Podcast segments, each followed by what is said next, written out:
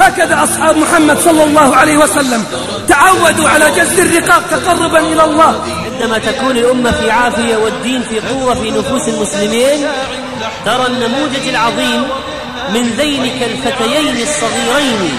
كل منهما يسأل عن أبي جهل. أين هو؟ أين هو؟ ما هذا الحماس؟ ولماذا السؤال؟ يا عماه أين أبو جهل؟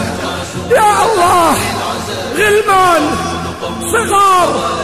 يا عماه سمعنا أنه كان في مكة يؤذي رسول الله. سمعنا أنه كان يؤذي رسول الله.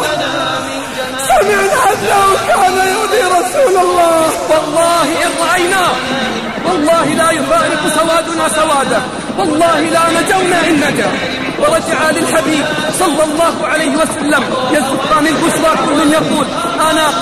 عدو الله فمن لأعداء الله اليوم من لهم؟ ما أحوج الأمة اليوم إلى إعادة التاريخ المشرق لأئمة الجهاد والشهادة حيث تشرق في سماع المسجد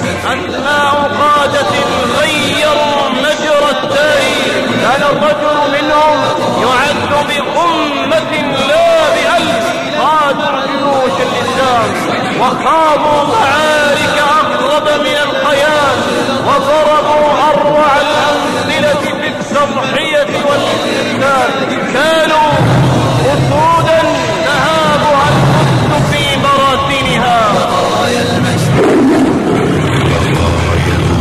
بقايا المجد تكوينا وتنكأ جرحها فينا وذكراه تناغينا. ألا أين المياه